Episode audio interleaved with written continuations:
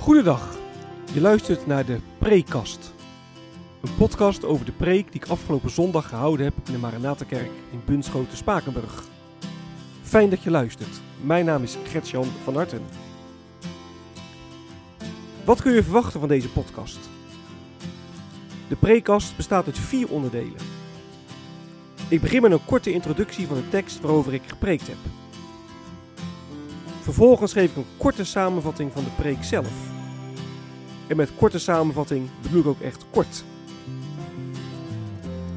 Tijdens mijn opleiding heb ik geleerd dat preken schrappen is. Niet alles wat je in de voorbereiding gevonden en bedacht hebt, kan terugkomen in de preek. Wat heb ik laten liggen wat het overdenken wellicht waard is? Daar wil ik het over hebben in het derde deel van de preekkast. En tenslotte sluit de preekkast af met een aantal verwerkingsvragen. Vragen die je kunnen helpen om de preek te overdenken en of toe te passen. Ik wens je veel luisterplezier.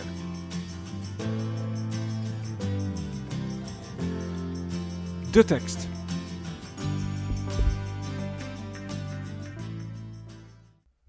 Afgelopen zondag hadden we de jaarlijkse zogenaamde diaconale zondag.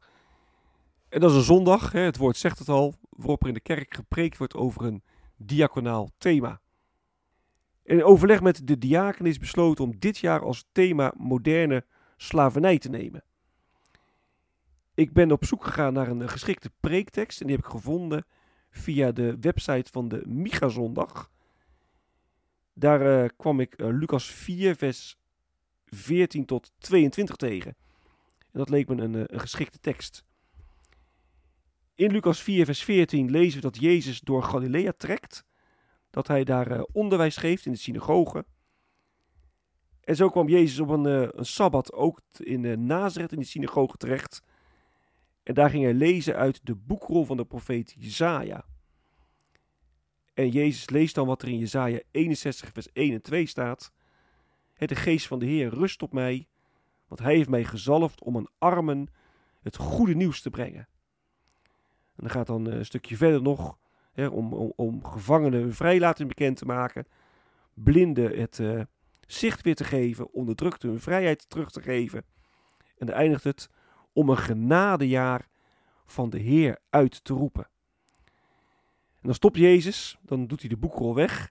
En dan kijken de mensen in de synagoge hem verwachtingsvol aan. En dan zegt Jezus, vers 21, Vandaag hebben jullie deze schrifttekst in vervulling horen gaan. De preek.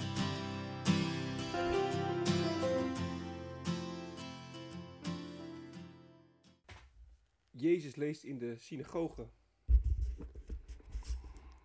Jezus leest in de synagoge van Nazareth. Je. Ha!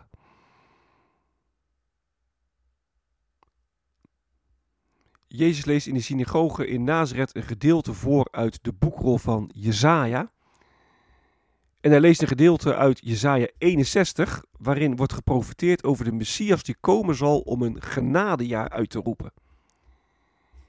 En Jezaja doelt op het zogenaamde jubeljaar. Het jubeljaar, daar kun je over lezen in Leviticus 25, moest iedere 50 jaar plaatsvinden. En dan werd het land teruggegeven aan de oorspronkelijke bezitter. En mensen die zichzelf hadden moeten verkopen als slaaf, omdat ze te arm waren om aan hun financiële verplichtingen te kunnen voldoen, die kregen hun vrijheid weer terug. En met deze wet, de wet op het jubeljaar, wilde de Heer voorkomen dat ja, de rijken steeds rijker werden ten koste van de armen. Het was om sociaal onrecht tegen te gaan. Nu kun je natuurlijk denken, ja, dat was iets van vroeger, hè? Een jubeljaar, slavernij, dat komt vandaag niet meer voor. Maar vergis je niet, er leven vandaag de dag wereldwijd meer dan 40 miljoen mensen in slavernij. En dan kun je denken aan, aan kleine kinderen die uh, nou, 18 uh, uur per dag voor een hongerloontje in een fabriek werken. Of je kunt denken aan vrouwen en meisjes die gedwongen in de prostitutie werken. Nou, Jezus zegt, ik ga de armen bevrijden. Ik ga ervoor zorgen dat mensen weer in vrijheid kunnen leven.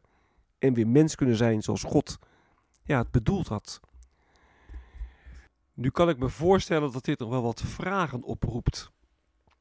Want Jezus is gekomen om armen te bevrijden. Jezus is toch gekomen om, om zondaars te bevrijden.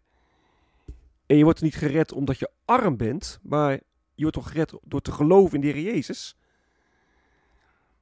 Nou, daarom is het goed om, om wel uh, helder te hebben wat er met armen precies bedoeld wordt in de Bijbel.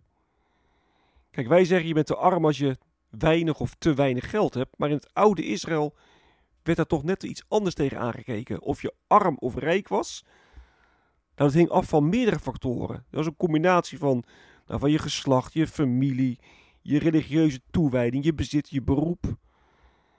je kunt zeggen, armen waren, waren die mensen die op al die gebieden niet meetelden. Die mensen die geen aanzien hadden en daardoor eh, kwetsbaar waren. de sociale outcast. Nou, Jezus bevrijdt mensen die sociaal en economisch aan de zijlijn staan. Mensen die, die geen aanzien genieten. Want dat zijn bij uitstek de mensen die beseffen dat, ja, dat ze het niet van andere mensen te verwachten hebben. Maar dat ze het echt alleen maar van, van God kunnen verwachten. Dat er maar één is helpen kan. En dat is ja, de Heere. Het zijn mensen die, die weten dat ze met lege handen voor God staan. En dat die handen leeg blijven als, als God ze niet vult. En mensen die ze echt volledig van God afhankelijk weten. In de bergreden worden ze de, de armen van, van geest genoemd. En dat, ja, dat, dat geldt voor alle mensen. Ja, ongeacht of je nu naar huidige maatstaven rijk of arm bent. Ja, ook als je geld genoeg hebt, ook dan moet Jezus je bevrijden. En Jezus is ook de enige die ja, ons echt recht voor God kan laten staan. Dan kunnen we zelf niet, de zonde zitten daarvoor in de weg. In die, leven zijn we, in die zin zijn we allemaal uh, gebonden en missen we de, de vrijheid. De vrijheid die Jezus Christus uh, ons moet geven. En Jezus zegt, ik kom om dat jubeljaar te brengen. Ik kom relaties te stellen. Ik zorg ervoor dat, dat mensen weer, weer mens kunnen zijn. He, daarvoor ben ik mens geworden. Deze profetie van Jezaja, die is in mij vervuld. En dan zegt Jezus in vers 21 wel iets opvallends. Hij zegt, vandaag hebben jullie deze schrifttekst in vervulling horen gaan. En hij zegt niet, jullie hebben het zien gaan. He, Jezus staat nog aan het begin van zijn werk. Nee, hij zegt, jullie hebben het gehoord, in vervulling horen gaan. En als Jezus spreekt, als de Zoon van God spreekt, als God zelf spreekt, dan vraagt hij altijd om, ja, om respons, om een antwoord. Hoe reageren wij op wat we horen? En als Jezus zegt, ik ben gekomen om, om onrecht recht te zetten, om, om op te komen voor mensen die niet meetellen, ik ben gekomen mensen te redden die, die beseffen dat ze het zonder mij niet redden. Nou, wat betekent dat dan voor ons? Ja, kunnen niet al het onrecht in deze wereld oplossen. Dat is veel te ingewikkeld. Sociaal onrecht is ook vaak het gevolg hè, van allerlei economische en politieke systemen. Dat, dat kunnen we niet eens die oplossen. Maar het kan ook niet zo zijn dat wij als christenen ja, onze schouders even ophalen. En raakt het ons dat, dat in Amsterdam, hè, 50 kilometer verderop, vrouwen uit Oost-Europa gedwongen in de, prostitutie, in de prostitutie leven. Wat, wat, wat, wat doen we daarmee? Als we geconfronteerd worden met sociaal onrecht, zet het ons ook echt in beweging. En dan niet maar uit liefdadigheid, maar echt uit het verlangen om het recht van God te herstellen. Wat is blijven liggen?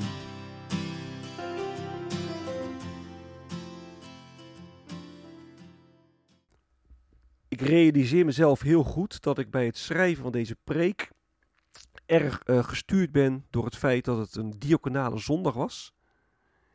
En dat wanneer ik op een ander tijdstip in het jaar over deze tekst gepreekt zou hebben, dat ik hele andere elementen uh, eruit gedicht zou hebben. Ik zal een aantal noemen. Als Jezus uh, klaar is met het lezen uit de boekrol en zegt van, hè, jullie horen vandaag dit, dit, dit gedeelte in vervulling gaan, dat de mensen zich verwonderen en dan zeggen: Dit is toch de zoon van Jozef? Hè, de vraag is: wie is Jezus nou? Is het nou de zoon van Jozef? Is het de Messias? Hoe zit dat nou? er staat ook heel nadrukkelijk: Jezus keerde gesterkt door de geest terug naar Galilea. Jezus die haalt Jezaja aan, de geest van de Heer rust op mij. Wat betekent dat nou? Dat, dat, dat Jezus door de geest gezalfd is? Dat Jezus de Messias is? Ja, wie is hij nu eigenlijk? Dat is ook een, een, een belangrijk eh, punt uit, uh, uit dit tekstgedeelte.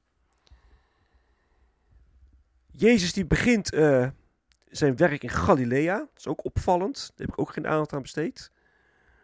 Want Galilea, dat, ja, dat lag in het noorden van Israël. Je zou eigenlijk verwachten dat Jezus zijn werk zou beginnen in Jeruzalem. Want Jeruzalem, ja, dat was natuurlijk het centrum van, van, van de macht. Het centrum van het religieuze leven. En Galilea, ja, dat werd ook wel de, de landstreek van de heidenen genoemd. Er woonden ook veel heidenen, niet joden. En die, ja, die beïnvloedden de joden daar. Dus de vrome joden uit Jeruzalem, ja, die haalden eigenlijk een beetje hun neus op voor, voor de mensen in Galilea. En Jezus, ja, die begint uitgerekend daar zijn werk. Dat zegt ook wel iets over, over zijn liefde, zijn grote liefde voor, voor zondaars. Nou, wat ook heel opvallend is, is dat Jezus een gedeelte leest uit uh, de boekrol van Jezaja. En er staat er uh, nou, wat hij dan leest. En dan eindigt het met om een genadejaar van de Heer uit te roepen. En toen rolde hij de boekrol op. Maar als je Jezaja 61 erbij pakt, dan zie je dat er na om een genadejaar van de Heer uit te roepen ook nog volgt. En een dag van wraak voor onze God. En de Joden in, in de synagoge daar, ja, die wisten dat natuurlijk heel goed dat dat volgde. Maar Jezus die leest dat niet. Hij heeft het niet over de, de wraak van God. Waarom niet? Omdat hij uh, wil aangeven, ik ben niet gekomen om oordeel te brengen, maar om mensen te redden? Of wat, wat is daar de reden van? Dat is ook iets waar je ja, wel over na kunt denken en verder over kunt, uh, kunt mediteren. En het laatste dat ik nog wil noemen is het feit dat er staat Jezus die uh, ging in, in, naar de synagoge volgens zijn gewoonte. En wij zijn daar heel vaak heel negatief over. Hè? Je moet die dingen uit gewoonte doen. Je moet naar de kerk gaan omdat je het wil, vanuit je hart en niet uit gewoonte. En nu geloof ik meteen dat Jezus ook vanuit zijn hart in de synagoge ging. Maar er staat wel, volgens zijn gewoonte ging hij op de Sabbat naar de synagoge. Naar de kerk gaan. Dat kun je uit gewoonte doen, maar dat kan ook een hele goede gewoonte zijn. We moeten ook oppassen dat we dat uh, niet te daar te negatief over doen. als je echt alleen maar naar de kerk gaat omdat je helemaal vanuit je hart wil, ja, dan, dan, dan zou je ook veel. Dus ik, laat ik bij mezelf houden. Als ik alleen naar de kerk zou gaan, als ik echt helemaal vanuit mijn hart zou willen, ja, dan zou ik veel minder in de kerk zijn. Ik ga soms ook wel uit gewoonte naar de kerk. En als ik dan ben, ja, dan me ook, uh, ben ik wel blij dat ik gegaan ben en dan voel ik me ook wel echt gezegend. Maar een gewoonte, een goede gewoonte, ja, is dus helemaal niet, niet verkeerd.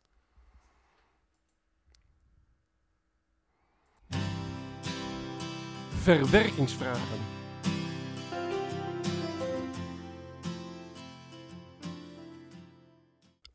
Ook dit keer heb ik op mijn preekblad weer een viertal vragen uh, geschreven.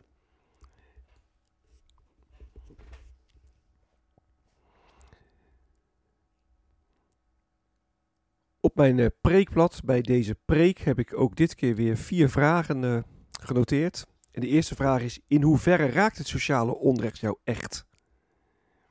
dat is ook een vraag waar je echt gewoon goed over na kan denken. Uh, sluit je je ogen ervoor, haal je schouders ervoor op. Misschien denk je wel, ja, ik kan er toch helemaal niks aan veranderen en, en sluit je ervoor af. Nou, in hoeverre raakt het jou nou echt dat er zoveel sociaal onrecht is? De tweede vraag is: Jezus die kwam om armen te bevrijden, hè, om mensen die arm zijn, mensen die echt heel goed beseffen: ik sta met lege handen, ik ben echt volledig afhankelijk van de Heer. Nou, hoe, hoe arm ben jij? Hoe arm voel jij je? Hoe afhankelijk voel jij je richting God? Dan heb ik ook nog twee stellingen. De eerste stelling is: de kerk die moet zich beperken tot geestelijke zaken. En die moet niet te veel bezig zijn met zaken die op de politieke agenda horen. kerk en politiek, dat zijn twee aparte dingen. En de kerk moet zich niet met de politiek bemoeien en de politiek niet met de kerk. Is dat zo of is dat niet zo? En hoe, hoe kijk je daar tegenaan? En de laatste stelling die ik uh, op het preekblad heb genoteerd is: wie zich niet druk maakt over sociaal onrecht, is geen oprecht christen. Dit ook mede naar aanleiding van de Jacobus 2, een van de Bijbelgedeelten die ook op het leesrooster staan. Wie zich niet druk maakt over sociaal onrecht is geen oprechte christen. Tot slot verwijs ik nog naar eh, de website van uh, de International Justice Mission. daar was de collecte voor bestemd. Een stichting die zich inzet om de moderne slavernij te bestrijden. Op www.ijmnl.org daar kun je over deze stichting nou, meer terugvinden. www.ijmnl.org Dit is het einde van de prekast. Mocht je vragen of opmerkingen hebben, dan kun je me mailen op mailadres van hartengretjan.gmail.com van Ik wens je nog een hele prettige dag. Hartelijk dank voor het luisteren. En wie weet, tot een volgende keer.